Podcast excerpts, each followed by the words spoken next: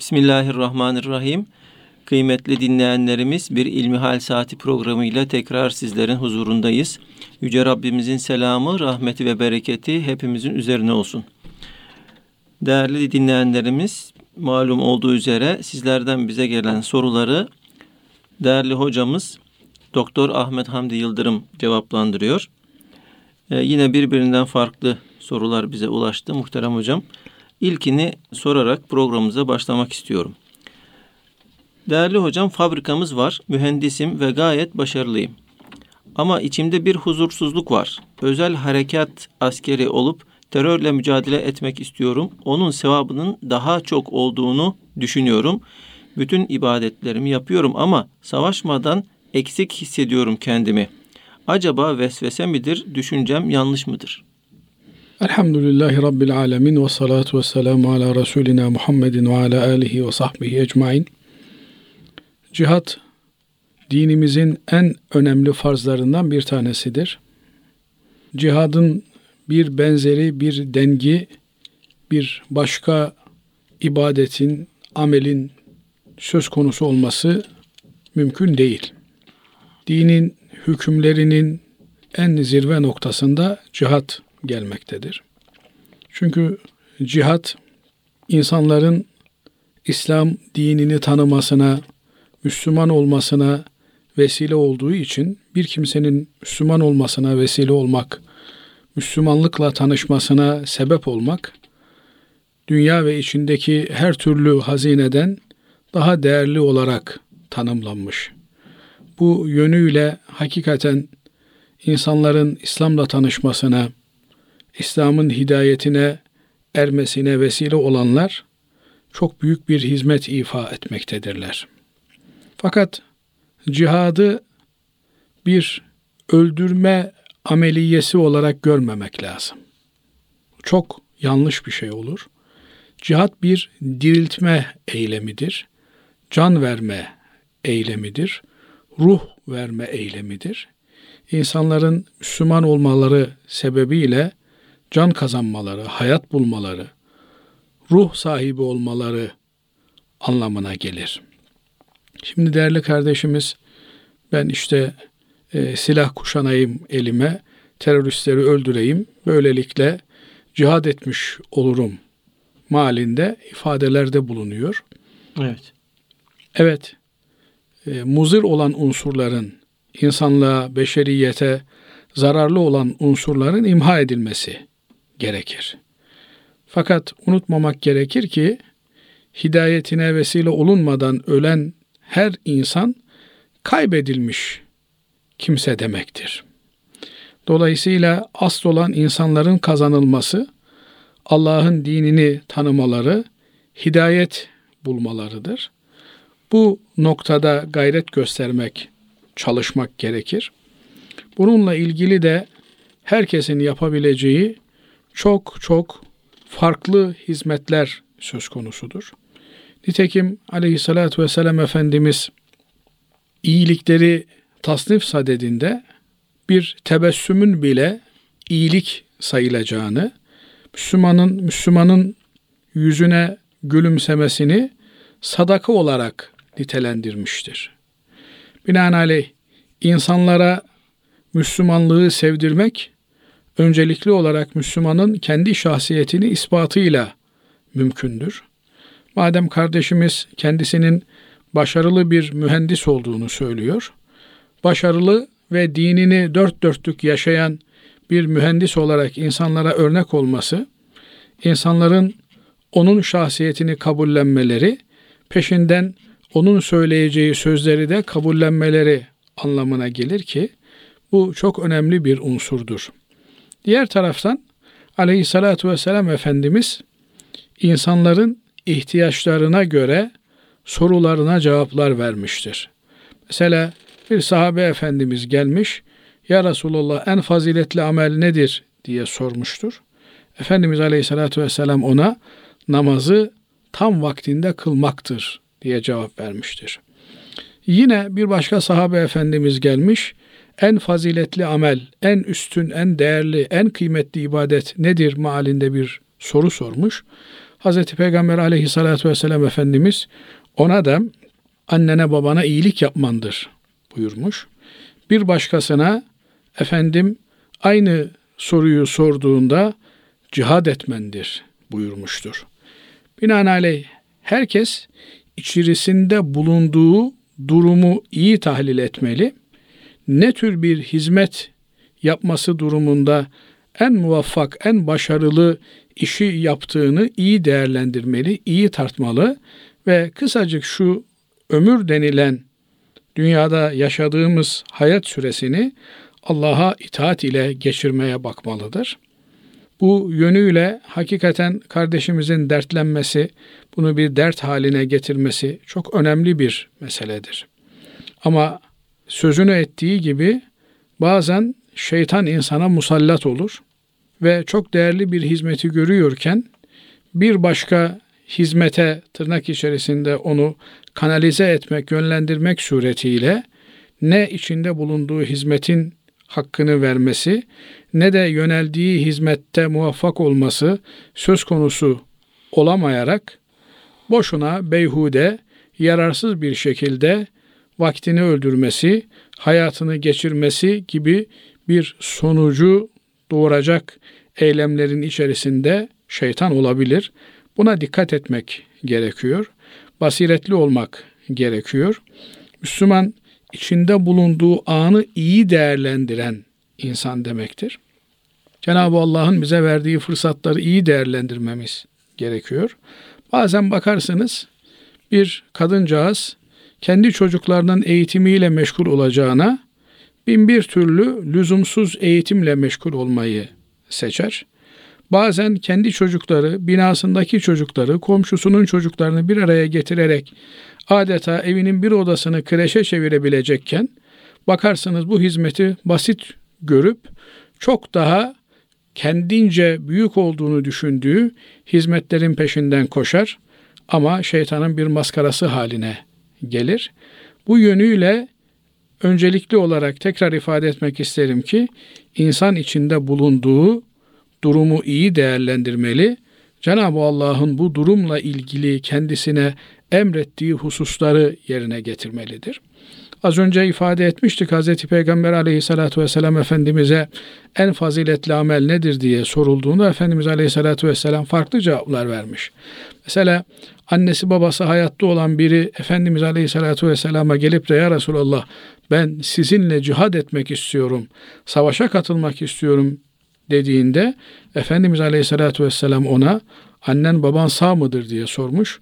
Evet cevabını alınca da senin cihadın annene babana ihsanda bulunman, iyilik yapman, onların hizmetlerini görmendir cevabını vermiş.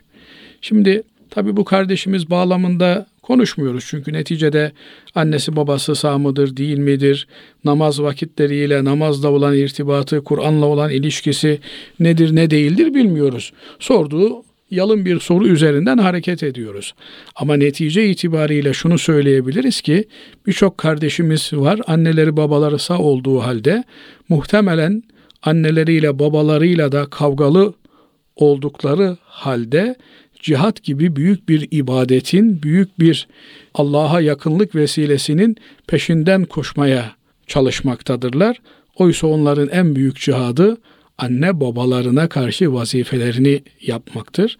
Bir kadıncağız görürsünüz kocasına karşı sorumluluklarını yerine getirmek dururken o kendisini farklı alanlarda cihad etmeye mükellef olarak görmeye çalışır.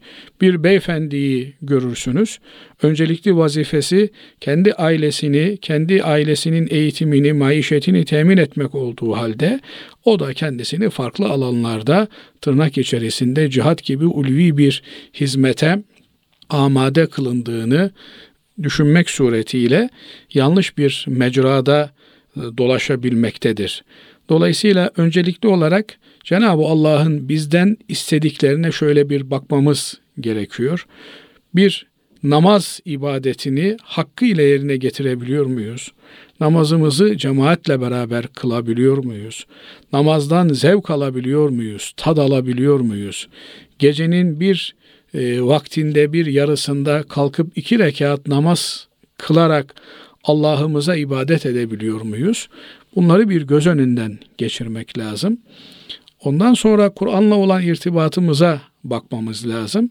Kişisel yetkinliğimizi, kişisel gelişmemizi tamamlayıp tamamlayamadığımıza, bir Müslüman olarak bireysel hayatımızda İslam'ı bir hakkın yaşayıp yaşayamadığımıza bakmamız lazım. Sonra etrafımıza Hz. Peygamber aleyhissalatü vesselam Efendimiz'e gelen ilk ayetler ve enzir aşiretekel akrabin yakın akrabanı uyar, ikaz et. Yakınında bulunanları, çoluğunu, çocuğunu, amcanın oğullarını, halanın kızlarını, teyzenin çocuklarını uyar, onları ikaz et. Ahiret endişesini onlara taşımaya çalış. Malindeki ayetler ilk emir olarak karşımıza çıkmakta. Biz kendimiz kendi mahallemize, kendi akrabalarımıza, kendi çevremize ne kadar duyarlı olabiliyoruz? Onlarla ne kadar ilişki içerisinde bulunabiliyoruz? Emir bil maruf dediğimiz iyiliği emretmek, kötülükten nehyetmek, sakındırmak hususunda ne kadar muvaffak olabiliyoruz? İyiliği emredebilmek için iyiliği tanımak gerekiyor. İyiliği emredebilmek için o iyiliği kendi üzerimizde yaşatmak gerekiyor. Üzerimizde yaşamayan, üzerimizde iğreti duran bir iyilik kavramını başkalarına nasıl telkin edebileceğiz? Dolayısıyla biz iyiliği yaşayabiliyor muyuz? İyi bir hayatımız, iyi bir Müslümanlığımız var mı? Bunu kabul edebiliyor, bunu söyleyebiliyor muyuz? Ondan sonra da etrafımıza bu iyiliği taşıyabiliyor muyuz? Ben asla küçümsemek için söylemiyorum ama ele bir silah alıp tetiğe basıp da kurşun atmak, önüne gelen nesneleri vurmak, imha etmek bugün kolay bir şey. Asıl yapılması gereken o kurşunlara hedef olan dinini kaybetmiş, yanlış ideolojilerin peşine takılıp gitmiş olan insanları veya takılma potansiyeli olan, ihtimali olan insanların bu e, yanlış gidişatlarına dur diyebiliyor muyuz? Biz yanlış olan bir takım yollara bariyer kurup buradan insanları çevirmeye gayret edebiliyor muyuz? Asıl cihat bu. Yani asıl cihat sivrisineğin bataklığını kurutmak. Yoksa e, sivrisinek ilacı sıkmak suretiyle sivrisinekleri imha etmek bir çözüm değil. Küfür bataklığını, inkar bataklığını, dinsizlik bataklığını kurutmaya yönelik bir çabamız var mı, bir gayretimiz var mı, bir uğraşımız var mı? Bunlara bakmamız gerekiyor. Belki de en büyük cihat böyle bir cihadı yaşayabilmektir. Bununla ilgili dertlenebilmektir. Dertlenmiş olan insanlarla bir araya gelip hiç olmazsa binamızdaki, mahallemizdeki çocuklara yönelik, gençlere yönelik, ne bileyim işte sokak çocukları diye tabir ettiğimiz aslında birer patlayan, patlayacak bomba misali, potansiyel bomba misali duran unsurlar var. Bunlara yönelik bir çalışma yapabiliyor muyuz? Onları tekrar topluma kazandırabiliyor muyuz? Ailelerine kazandırabiliyor muyuz? Bazen Basri Hocam ailelerin tesir edemediği çocuklara dışarıdan biri, gençlere dışarıdan biri çok rahat tesir edebiliyor. Evet. Onun için bakıyorsunuz işte bir şekerle çocuklarımızı kandırabiliyorlar. Efendim bir güzel sözle gençlerimizi tabiri caizse tavlayabiliyorlar ve ailelerinden kopartabiliyorlar. Çünkü aileler içeri, zaman içerisinde bir yüz eskimesi meydana geliyor herhalde veya işte eğitimi beceremediğimizden, bilemediğimizden dolayı çocuklarımızla olan iletişim kanallarımız kesiliyor. Birileri bunları kullanıp o çocukları ailelerinden, toplumdan daha fazla tecrit edebiliyor, soyutlayabiliyor. Bunların karşısında yapabileceğimiz şeyler olduğunu düşünüyorum. Madem işinde başarılı bir mühendis kardeşimiz insan unsuruna önem vermek suretiyle tabii önce kendimizi, kendi eksiklerimizi, kendi söküğümüzü tabiri caizse dikmeden işe başlayarak e, insanlara e, dokunmamız, onlara merhametle, sevgiyle yaklaşmamız ve Cenab-ı Allah'a kul olduğumuzu hep beraber hatırlamamız en büyük cihat olarak karşımıza çıkıyor. Elbette vatan istilası gibi bir durum söz konusu olduğunda o zaman topyekün bir seferberlik ilan etmek gerekiyor. Diğer taraftan tabi az önce de ifade etmeye çalıştım. Herkes kendi içerisinde bulunduğu konumu iyi değerlendirmeli. Bir insan vardır ki iyi güreşçidir efendim vücut yapısı müsaittir, zorluklara tahammülü vardır. Elbette bu kimsenin kendi yapabileceği işler üzerine odaklanması gerekir. E bir insan işte askerliğini zor şartlarda yapmış, iyi bir askeri eğitim almış ve askerlikten anlıyor. Elbette onun en kutsal vazifesi vatana, millete, dine, imana zararlı unsurları bertaraf etmek olacaktır. Ama bu kardeşimiz madem başarılı bir kariyer sahibi bu kariyerini bulunduğu yerde dini için, imanı için, e, İslam için seferber etmeye çalışmalı. Bu yönlere teksifi himmet etmeli, yoğunlaşmalı. Bu onun için daha hayırlı olacaktır diye düşünüyorum. Evet. Allah razı olsun kıymetli hocam. Diğer bir soru bize ulaşan Bedir Savaşı'na katılan sahabilerin isimlerini okumanın fazileti ve faydası var mıdır? Tabi Bedir Savaşı'na katılmış olan Müslümanlar çok zor bir dönemde çok önemli hizmet ifa etmiş olan kimselerdir. Cenab-ı Allah onlarla ilgili gelmiş geçmiş günahlarının bağışlandığını ifade ediyor. Ve yine onlarla ilgili peygamberle beraber olanlar ifadesi kullanılıyor. Peygamber aleyhissalatü vesselam Efendimiz de beraber olmak çok önemli bir imtiyaz, çok önemli bir ayrıcalık. Kaldı ki yine ayeti kerimede fetihten önce infak edenler, Allah için savaşanlar, canlarını, mallarını feda edenlerle fetihten sonra bu işleri yapanlar bir değildir deniyor. Yani Mekke'nin fethine kadar Müslümanlar zor e, şartlar yaşıyorlar. O döneme kadar İslam için gayret gösterenler, mallarıyla, canlarıyla cihad edenler ile fetihten sonra rahat dönemde aynı işi yapanlar bir değildirler buyuruyor. Efendimiz Aleyhisselatü Vesselam'a inen Kur'an ayetleri. Dolayısıyla henüz Efendimiz Aleyhisselatü Vesselam hayattayken bile sahabe-i kiram arasında fetih öncesi ve fetih sonrası Müslümanları diye bir ayrım söz konusuydu. Ve fetih öncesi Müslümanların ayrıcalıkları vardı. Biliyorsunuz Mekke'nin fethi esnasında Mekke'deki akrabalarını, çoluğunu, çocuğunu korumak için sahabe efendilerimizden bir tanesi tırnak içerisinde bugün casusluk diye ifade edilebilecek bir suç işlemişti. Bu suçun deşifre olması, alenileşmesi durumunda Hz. Peygamber aleyhissalatü vesselam Efendimizin yanında bulunan Ömer radıyallahu teala an ya Resulallah bırak şu münafığın boynunu vurayım deyince Efendimiz aleyhissalatü vesselam Ey Ömer bilmiyor musun o Bedir ashabındandır diye cevap veriyor. Bu mahaldeki cevabı bile Bedir ashabından olmanın vatana ihanet gibi büyük bir suçta bile bağışlayıcı bir unsur olduğunu gösteriyor. Dolayısıyla Bedir ashabı e, sahabe-i kiram efendilerimiz içerisinde ayrıcalıklı bir makama, mevkiye sahip olan kimselerdir. Onların isimlerini teberrüken bir insanın okuması veya yazıp üzerinde taşıması Allah'ın izniyle koruyucu bir kalkan, koruyucu bir muhafaza olarak değerlendirilir. Elbette takdirin ötesine geçmek mümkün değildir. Bir kimse bunu taşıdı diye ölümden veya işte kurşundan, mermiden korunacak anlamına gelmiyor. Ama o isimlerin yazılması veya okunması en azından mesela Çanakkale Savaşı'na katılan e, erlere bunlar isimler yazılmış birer hamail olarak verilmiş, dağıtılmış. Psikolojik olarak hangi davayı temsil ettikleri anlamında çok önemli bir unsurdur.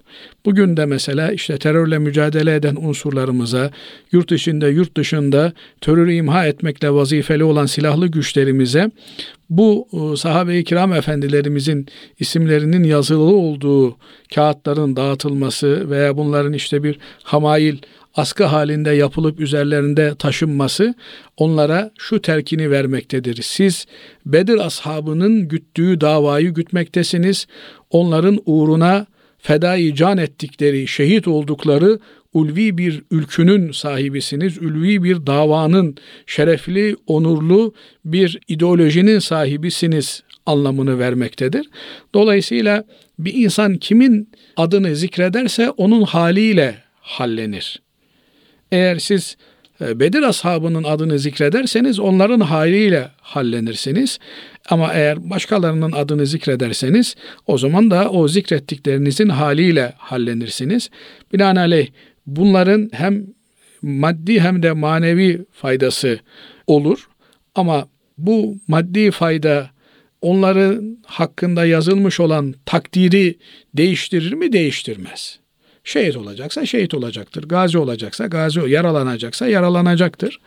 Ama bu isimlerin bunları taşıyanlar üzerinde yaptığı etki asla göz ardı edilemez.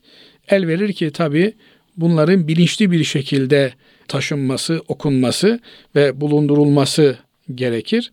İşte Bedir aslanları ancak bu kadar şanlıydı derken Mehmet Akif milli şairimiz bu noktaya vurgu yapmakta bir yönüyle de. Yani bizim askerimizin ruhunda, mücahitlerimizin damarında Bedir aslanları olmak. Çünkü Bedir aslanı demek, Bedir sahabisi demek, Bedir şehidi demek İslam'ın en güçsüz olduğu dönemde Ya Rabbi bu senin son ordundur seni müdafaa edecek. E, hatırlarsanız siret kitaplarında Efendimiz Aleyhisselatü Vesselam ellerini kaldırıyor üzerindeki abası düşecek gibi oluyor. Ya Rabbi diyor eğer diyor şu bir avuç Müslümana yardım etmezsen diyor yeryüzünde sana ibadet edecek kimse kalmaz diyor. Dolayısıyla Bedir'in adına bir e, iş yapmak veya Bedir ashabı adının kişinin e, yazılı olarak veya sözlü olarak muhtevasına girmesi, içeriğine dahil olması onu Bedir arslanları kıvamına bir yiğit yapmaya yeter. Onun yalnız olmadığını, asırlardan beri gelen bir davanın bir neferi olduğunu hatırlatır ki e, biliyorsunuz özellikle de askeri terminolojide savaşta psikolojik savaş çok e, büyük bir ehemmiyet e, taşır. E, insanlar çoğu zaman maddeten değil maneviyatlarıyla galip gelirler. Şöyle tarih sürecine baktığımız zaman genelde de hep Müslümanların orduları düşman ordularına kıyasla göreceli olarak maddeten azınlıkta olmuştur. Ama sahip oldukları psikolojik üstünlük, manevi üstünlük onları her savaşta hemen hemen muzaffer kılmıştır. Binaenaleyh bu yönüyle hem maddi hem de manevi bir enerji, sinerji doğuracağından dolayı e, bunun faydasını kimse yatsıyamaz. Ama bunun anlamı da şu değil tabi. Yani ben e, işte bu mübarek zatların isimlerini bir kağıda yazdım, üzerime astım. Yan gelip yatayım artık bundan sonra hiçbir zarar bana isabet etmez. Öyle olsaydı Hazreti Peygamber aleyhissalatü vesselam Efendimizin bizzat kendisi Bedir'e katılan ashabıyla beraber Uhud'da bir e, sekteye maruz kalmazlardı. Yani dolayısıyla kaderde yazılı olan bir şey e, hiçbir surette değişmeyecektir. Ama bu gücün, bu manevi e, heyecanın insana katacağı çok büyük şeyler vardır. Cenab-ı Allah onların şefaatlerine bizleri nail eylesin. Onların isimlerini anan ve o isimlerle beraber aynı ruh dünyasını paylaşan kimselerden eylesin. Amin. Allah razı olsun. Değerli hocam, e, diğer bir sorumuz şöyle. Zalim yönetime isyan dinen caiz midir? Yönetimin zalim olduğuna kimler karar verir? Tabi aslında soru içerisinde cevabı da barındırıyor. Yönetimin zalim olduğuna kimler karar verecekler? E, Efendimiz Aleyhisselatü Vesselam bize itaati tavsiye ediyor. Sizden olan emir sahiplerine, sizden olan idarecilere, sizden olan ifadesi yani sizinle aynı değerleri taşıyan idarecilere itaat ediniz buyuruyor. Sem o taat işittik ve başüstü ettik deyiniz diye Efendimiz Aleyhisselatü Vesselam'ın hadislerinde e, itaat tavsiye ediliyor. Fakat bu hadislerin bazı varyantlarında Efendimiz Aleyhisselatü Vesselam açık bir küfür görünceye kadar, açık bir İslam düşmanlığı görünceye kadar siz idarecilerinize itaat edin diyor. Ama zulüm olan yerde itaat söz konusu değildir. Nitekim ana ilkelerimizden bir tanesi de la ta'ate li mahluk fi masiyetil halik. Allah'a isyan olan bir yerde mahluka itaat olmaz. Allah'ın yarattığı bir kul Allah'ın önüne asla geçirilmez, geçemez. Burada hadisi şeriflerin emrettiği itaat ve başüstü deme kuralı açık ve net bir şekilde dine aykırı olduğu tespit edilemeyen yerlerdedir. Ama namaz kılmayacaksın derse, efendim günahı bana sen cuma kılma, işte oruç tutma günahı bana ifadeleriyle bir Müslümanı taciz etmeye çalışırsa buralarda günahı bana olsun ben ama oruç tutmaya devam edeceğim. Ee, ve işte günahı bana ben namaz kılmaya devam edeceğim şeklinde cevap verilir.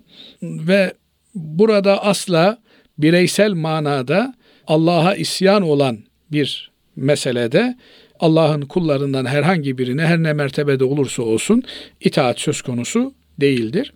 Ama zulüm var.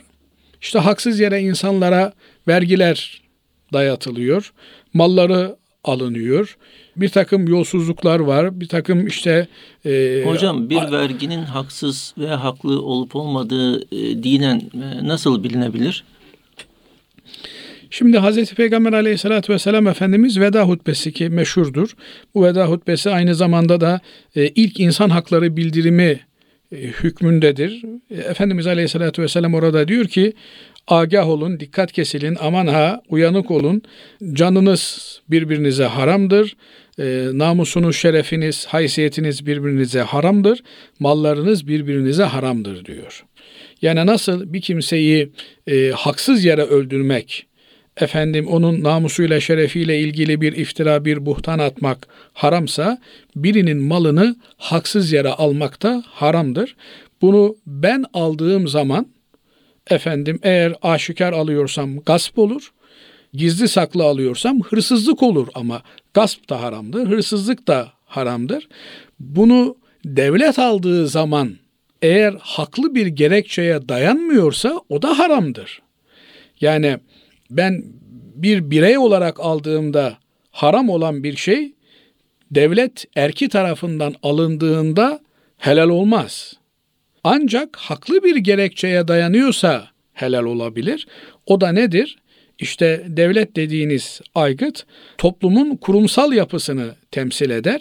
E işte toplumda aç, çıplak, çaresiz insanlar varsa o zaman tok olandan, aşırı tok olandan, aşırı imkanı olandan e, o çıplak olanı, aç olanı giyindirmek için, barındırmak için, giydirmek için bir kesinti yapılabilir. Ama böyle bir durum söz konusu değilse, efendim devletin hizmetlerini ifa etmek için, devletin vatandaşına karşı, topluma karşı vazifelerini yerine getirmek için ihtiyacı olan maddi geliri temin edebileceği kalemler var. Bugün bunların bir tanesi de vergi olarak karşımıza çıkıyor. Ama vergi olunan alınan bir şey, bir mal, birinin malından almak, birinin efendim ticaretinden bir kesinti yapmak bu ihtiyaç kadarıyla kayıtlıdır. Efendim üç kuruş işini görüyorsa dört kuruş alamazsın. Ve aldığın üç kuruşu da keyfe keder harcayamazsın ne için almışsan onun için kullanmaya memursun, amadesin.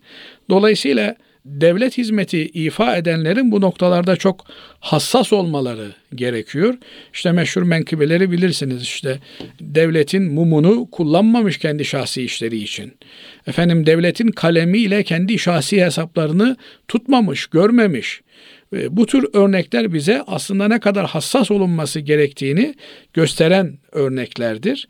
Efendim bu noktalarda hakikaten çok hassas olunması gerekir. Çünkü kul hakkı söz konusu olduğu yerde ne namaz, ne oruç, ne hac insanı kurtaramaz. Allah muhafaza eylesin. Kul hakkı denilen şey insanı ipe götürür cehenneme sürükler. E, efendim ben işte şu kadar kurs yaptırdım, bu kadar cami yaptırdım, bu kadar okul yaptırdım. E, bunlar böyle oluyor türünden ifadeler kişiyi kurtarmaz. Bu hassas bir denge, ihtiyacın iyi tespit edilmesi ve ihtiyaca göre vergilerin tayin edilmesi gerekir. Burada mesela açıkça ifade etmek lazım. Yani asgari geçim standardı diye, açlık sınırı diye koyduğunuz bir sınır var. Bu sınırın altında bir geliri olan kimseden alınan vergi sen aç kal öl anlamına geliyor. Dolayısıyla ya burada bir yanlış var bu hesapta ya bu hesap doğruysa bu yapılan işte yanlış var. Bunun gözden geçirilmesi lazım ve mazlumun ahı üzerinden ne ekonomik refah olur, ne kalkınma olur, ne de gelişmişlik seviyesi kat edilir. Önce mazlumun ahını dindirmek lazım, zulmün bertaraf edilmesi lazım. İnşallah Cenab-ı Allah toplum olarak bütün zulümlere karşı duyarlı olmayı bizlere nasip eder ve birbirimize karşı da hakşinas davranmayı nasip eder. Muhterem hocam, egzema sıvıları abdesti bozar mı? Evet, e, Cenab-ı Allah afiyetini daim eylesin. Bazen bu tür hastalıklara maruz kalan, cilt hastalıklarına maruz kalan kardeşlerimizin işte parmak aralarında bu tür sıvılar meydana geliyor. Bu e, sıvılar terin dışında terden farklı sıvılar. Dolayısıyla bu sıvılar deriden nüfuz ederek gelen sıvılar. Temel e, prensibimiz, ilkemiz şu, vücuttan çıkan şeyler abdesti bozarlar. Bunun e, istisnası ağızdan ve burundan e, çıkan tükürük ve sümkürük gibi e, şeyler. Ama bir cerahattan akan şeyler, yaradan akan irindir, affedersiniz e, cerahattır. Bunlar e, abdesti bozmaktadırlar. Fakat böyle mantar olmuş veya egzama olmuş kimselerin ayaklarından işte veya bu illete müptela olmuş olan yerlerinden akan sular abdesti bozar mı bozmaz mı meselesi ihtilaflı bir mesele. E, Hanefi mezhebi açısından bunlar abdesti bozarlar. Hatta gözden gelen gözyaşı haricinde hastalık sebebiyle gelen yaş da e, abdesti bozar denilmiş. Böyle kardeşlerimizin kendilerini sahibi özür olarak kabul etmeleri ve her ezanla beraber kabaca ifadesiyle söylüyorum. Detaylarını kendileri de e, okuyabilirler ilmihal kitaplarından veya hoca efendilere sorabilirler. Her ezanla beraber abdest alırlar ve namazlarını kılarlar. E, şunun için diyorum güzel söz var. Eğer araban varsa bir tamirci dostun olsun diyor. Eğer e, hastaysan bir doktor dostun olsun. Niye? İşte arabayı tamire götüreceksin. Hastaysan kendini tamire götüreceksin. Ve hem hal din bizim hayatımızın ayrılmaz bir parçası olduğu için sorularımızı sorabileceğimiz, kendisine güvendiğimiz, itimat ettiğimiz her ailenin bir aile hekimi olduğu gibi, aile avukatı olduğu gibi artık yavaş yavaş oraya doğru gidiyoruz. Bir hocamızın olması, itimat ettiğimiz, güvendiğimiz, camimizin imamının, müezzininin dizinin dibine oturup e, ihtiyaçlarımızı sormamız, bazen insan e, ihtiyacını hissetmiyor. Bu yönüyle de e, hissetsek de hissetmesek de işte hani derler ya kırkından sonra 6 ayda bir check-up yapmak lazım. İnsanın bir e, hoca efendinin önüne oturup bir check-up yapması gerekiyor. Yani ben namazımı kılıyorum ama e, abdestimi alıyorum ama acaba düzgün mü abdest alıyorum? Namazımı düzgün mü kılıyorum diye şöyle ibadet hayatımızı işte zekatımı veriyorum ama düzgün mü veriyorum şeklinde e, ibadet hayatımızı bir itimat ettiğimiz hoca efendiyle gözden geçirmemiz gerekiyor. Bu e, yönü itibariyle de özür sahibi kimselerin detayları yine bir hoca efendiyle beraber oturup birebir çalışmaları öğrenmeleri gerekiyor. Ama egzamadır, mantardır vesairedir e, yaralara müptela olmuş olan veya işte böyle bir akıntısı söz konusu olan kimselerin bu akıntılar sebebiyle abdestlerini yenilemeleri gerekir. Allahu alem. Evet. Yine bize gelen başka bir soru şöyle. Kurumuş hayvan pisliği üzerine serilmiş seccade üzerinde namaz kılmak namazı bozar mı? Şimdi bu sorudan benim anladığım seccadenin üzerinde namaz kılıyor. Evet seccadenin üzerinde kılıyor. Dolayısıyla seccadenin temiz olması yeterli. Hatta seccadenin işte astarı var, yüzü var. Eğer işte öyle Eski seccadeler öyleydi, astarı vardı, yüzü vardı. Şimdi gerçi tek e, dokuma olarak çıkıyor ama şimdi de bile altı var, üstü var seccadenin. Eğer seccadenin üstünde bir pislik yoksa üstünün temiz olması yeterli. Altında bir pislik var diyelim. İşte üstüne nüfuz etmemiş, sirayet etmemiş. Dolayısıyla o seccadenin bırakın yerde seccadenin alt tarafında bir pislik olması namaza mani bir durum teşkil etmez. Dolayısıyla namaza mani bir durum teşkil edebilmesi için pisliğin ya kişinin vücudunda olması, üstünde olması, elbisesinde olması ya da kıldığı yerde özellikle de secde azalarının değdiği yerde olması gerekir. E, seccadenin diyelim ki işte 3 metrekarelik bir seccadede namaz kılıyorsunuz. Sizin kıldığınız alan yarım metrekare tabiri caizse bir alan. Orada e, pislik olmadığı sürece diğer yerlerinde pislik olması namaza mani bir durum teşkil etmez. Diğer taraftan tabii pislik kavramı, pis kavramı şer'i anlamda pis kavramı demektir. Yoksa işte e, kirdir, pastır, çamurdur vesairedir.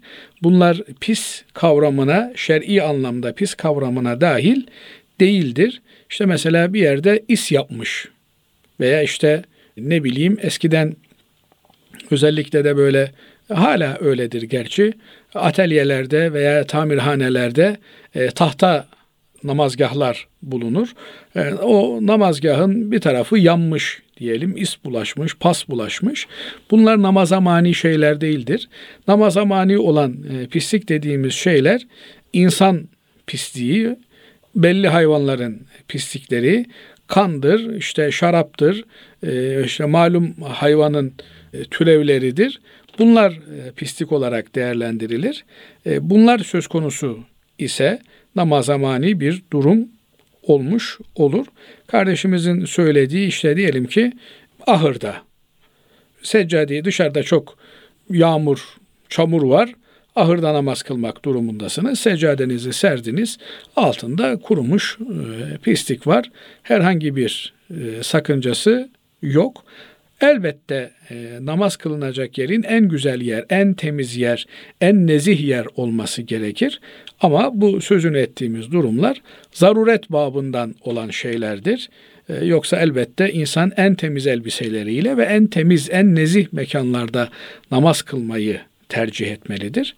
Fakat az önce de ifade ettiğimiz gibi bir zaruret durumu söz konusuysa işte çiftliğe gittiniz ahırdan başka girecek bir yer e, yok. Orada da e, işte bu durum e, böyle bir takım durumlar söz konusu.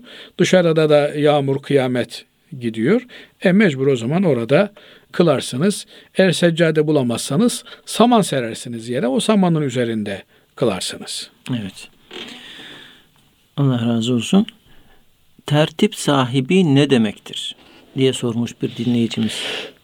Tertip kelime manası itibariyle tertip düzen deriz biz Türkçemizde. Düzen demektir, sıralama demektir. Tertip e, sıra sıra yapmak demektir.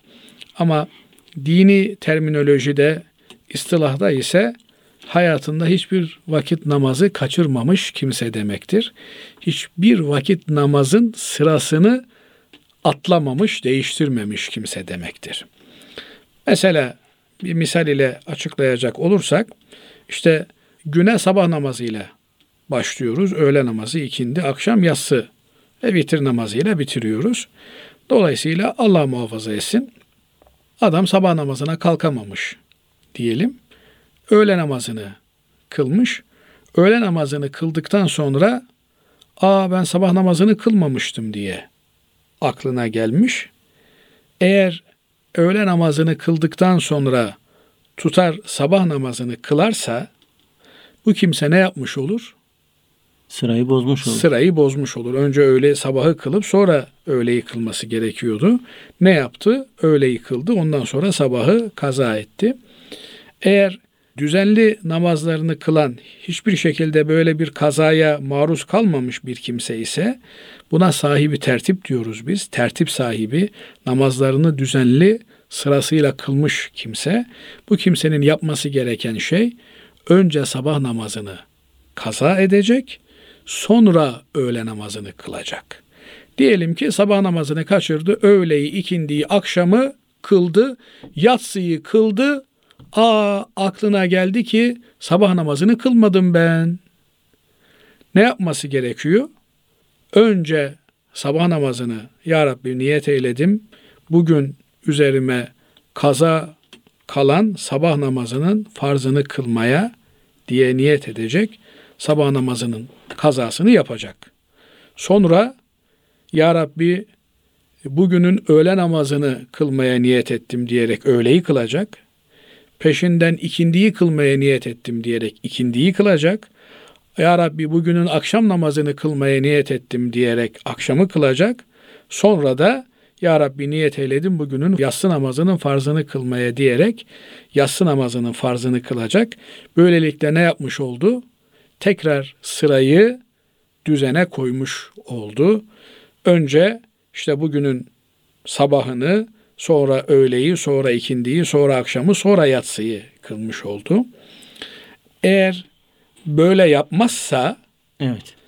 sabah namazını ertesi gün kıldıktan sonra sahibi tertiplik özelliği bozulmuş olur.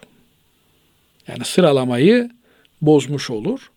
Peki sahibi tertip ne demek? Bu çok ayrıcalıklı bir e, durum demek. Hakikaten namazla ilgili en uç noktada bir hassasiyet sahibi olmak demek ki çok güzel bir e, meziyet. Ama bunu kaybetti diye bir kimse cehennemlik olmaz. Fakat bunu muhafaza etmeye gayret etmek lazım. Binaenaleyh bir kimse sahibi tertipse sabah namazını kılmadığını hatırladığı anda öğle namazını kılarken namazı bozulur. Tekrar önce sabah namazını kılacak, peşinden öğleyi kılacak. Peki bir adam işte namazlarını yalap çalap kılıyordu. Düzen, tertip, hak getire bir kılıyor bir kılmıyordu. İşte 20 yaşında aklı başına geldi. Evet. Bu kimse tekrar sahibi tertip olabilir mi? İşte 13 yaşından 14 yaşından itibaren tekrar namazlarını sıfırdan düzenli bir şekilde kaza etse. İşte 10 senelik namazını, 7 senelik, 8 senelik namazını kaza ettikten sonra bugüne gelse sıfırlamış olur mu? Sahibi tertip olma özelliği, meziyeti kazanır mı? Kim alimlerimiz demiş ki olabilir. Ama genel kanaat bu özellik e, Cenab-ı Allah bu özelliği muhafaza edebilecek şekilde çocuklarımızı yetiştirmeyi nasip eylesin. Sizi tenzih ederim ama benden kaçtı artık. Dolayısıyla bu giden bir daha geri gelmez. Es-sakıtu la yaud düşen bir daha kalkmaz diyorlar. Bu konuyla ilgili yani e, Peygamber Efendimizin sünnetinde veya hadis-i şeriflerde e, bu bilgiler değil mi hocam? Tabi Efendimiz Aleyhisselatü Vesselam mesela kazaya bıraktığı namazlar olmuş Hendek Savaşı'nda. Onları sırasıyla beraber kılmış. E, dolayısıyla bu sıra meselesini yine hadislerden alimlerimiz çıkartarak tespit ediyorlar. Ama bu bir fazilet olarak, bir meziyet olarak zikrediliyor. Yoksa bu olmazsa olmaz demek anlamına gelmiyor. Evet. Allah razı olsun. Seferi olan imam, mukim olan cemaate farz namazı dört rekat olarak kıldırabilir mi? Şimdi Hanefi mezhebinde seferilik münasebetiyle namazların kısaltılması bir zorunluluk olarak görülmekte. Dolayısıyla keyfe keder bir durum değil.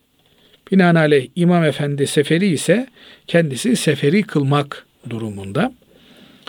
Eğer cemaatin şaşırması işte yeni Müslüman olmuş olanlar var. Bu tür hükümlerle karşılaşmamış olanlar var.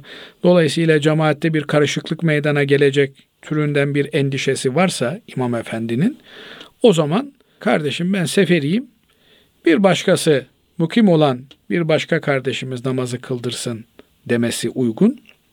Hanefi mezhebinde seferi olarak imamın namazı kıldırması mı yoksa mukim olan birinin namazı kıldırması mı daha faziletli meselesinde bir fazilet ayrımı gözetilmemiş. Ama Maliki mezhebindeki alimlerimiz diyorlar ki sefer meselesi Allah'a yakınlığın daha çok olduğu bir meseledir. Binaenaleyh seferi olan imamın seferi olarak namaz kıldırması daha faziletlidir, daha kabule yakındır demektedirler. Ee, böyle bir durumda da İmam Efendi cemaate dönüp ey cemaati Müslümin ben seferiyim, ben işte yatsı namazını iki kılacağım, selam vereceğim. Siz sanki üçüncü rekatta yetişmiş gibi namazınıza devam edeceksiniz. Şu kadar var ki kıraat yapmayacaksınız, içinizden okuyacaksınız der. Böylelikle e, cemaatinde bu tür seferi olarak imamın kıldığı namazı tamamlaması ahkamını öğrenmesine imkan vermiş olur. Ama bile isteye seferi olduğu halde namazı iki değil dört kırması e, mekruh görülmüştür. Doğru bir davranış değildir. Yanlıştır. Bunu yapmamak lazım. Evet. Evet hocam bugünlük son sorumuz da şöyle. Suya ya da sirkeye dua okumak ve ondan şifa beklemek doğru mudur? Şifa Allah'tandır. Allah'ın isimlerinden bir tanesi Eşşafi'dir. Şifa verendir. İbrahim Aleyhisselam Sa'd bile fe izâ meridtu fehuve yeşfin. Hasta olduğumda Rabbim beni iyileştirir buyurmaktadır. Doktora da gitsek, doktorun verdiği ilacı da içsek, doktor ameliyat yapılması lazım dediğinde ameliyat da olsak, şifayı veren Allah'tır. Doktor sebep olmuştur. ilaç vesile olmuştur. Netice itibariyle bunlara hüküm bağlamak doğru değildir. Ayetler okumak suretiyle Cenab-ı Allah'tan şifa istenir mi? İstenir. Suya okunur mu? Okunur. E, sirke de bir sudur. Sirkeye de suya da okunabilir. Ama şifanın kaynağı Cenab-ı Allah'tır. Cenab-ı Allah'tan istenir ve Cenab-ı Allah Şafi ismi hikmetince, sırrınca dilerse bu dünyada, dilerse öte alemde kulunun isteğini, duasını cevaplandırır. Ama işte bu su şifalı sudur, bundan içen şifa bulur. Türünden ifadeler. Bu suya Allah'ın Kur'an'ından ayetler okunmuştur veya peygamberin aleyhissalatu vesselam Efendimizin tavsiye ettiği dualar okunmuştur. Binaenaleyh şifanın kaynağı Allah'tır diyerek itikad edilirse bunların faydası olur. Nitekim Efendimiz Aleyhisselatü Vesselam e, ziyaret ettiği hastalara dualar okumuştur. Bu dualar onların şifaya ermeleri, kavuşmaları içindir. Bir başka ifadeyle de hastalığında, şifanın da Allah'tan geldiğini bildirmek içindir. Binaenaleyh en önemli mesele hastalıkların iyileşmesinde kişinin ruh halinin iyi olması, psikolojisinin düzgün olmasıdır. Bu tür şeyler onun ruh halini iyileştirecek, psikolojisini tedavi edecek şeyler olduğu için bunlar manevi yönden tamir edildiğinde insan vücudu maddi hastalıklarında şifa bulduğu görülecektir. Şifanın kaynağı Allah'tır. Cenab-ı Allah bütün hastalarımıza, bütün hastalıklarımıza şifalar ihsan eylesin. Amin. Allah razı olsun kıymetli hocam. Değerli dinleyenlerimiz bir İlmihal Saati programının daha sonuna ermiş bulunuyoruz. Hepinizi Allah'a emanet ediyoruz efendim. Hoşçakalın.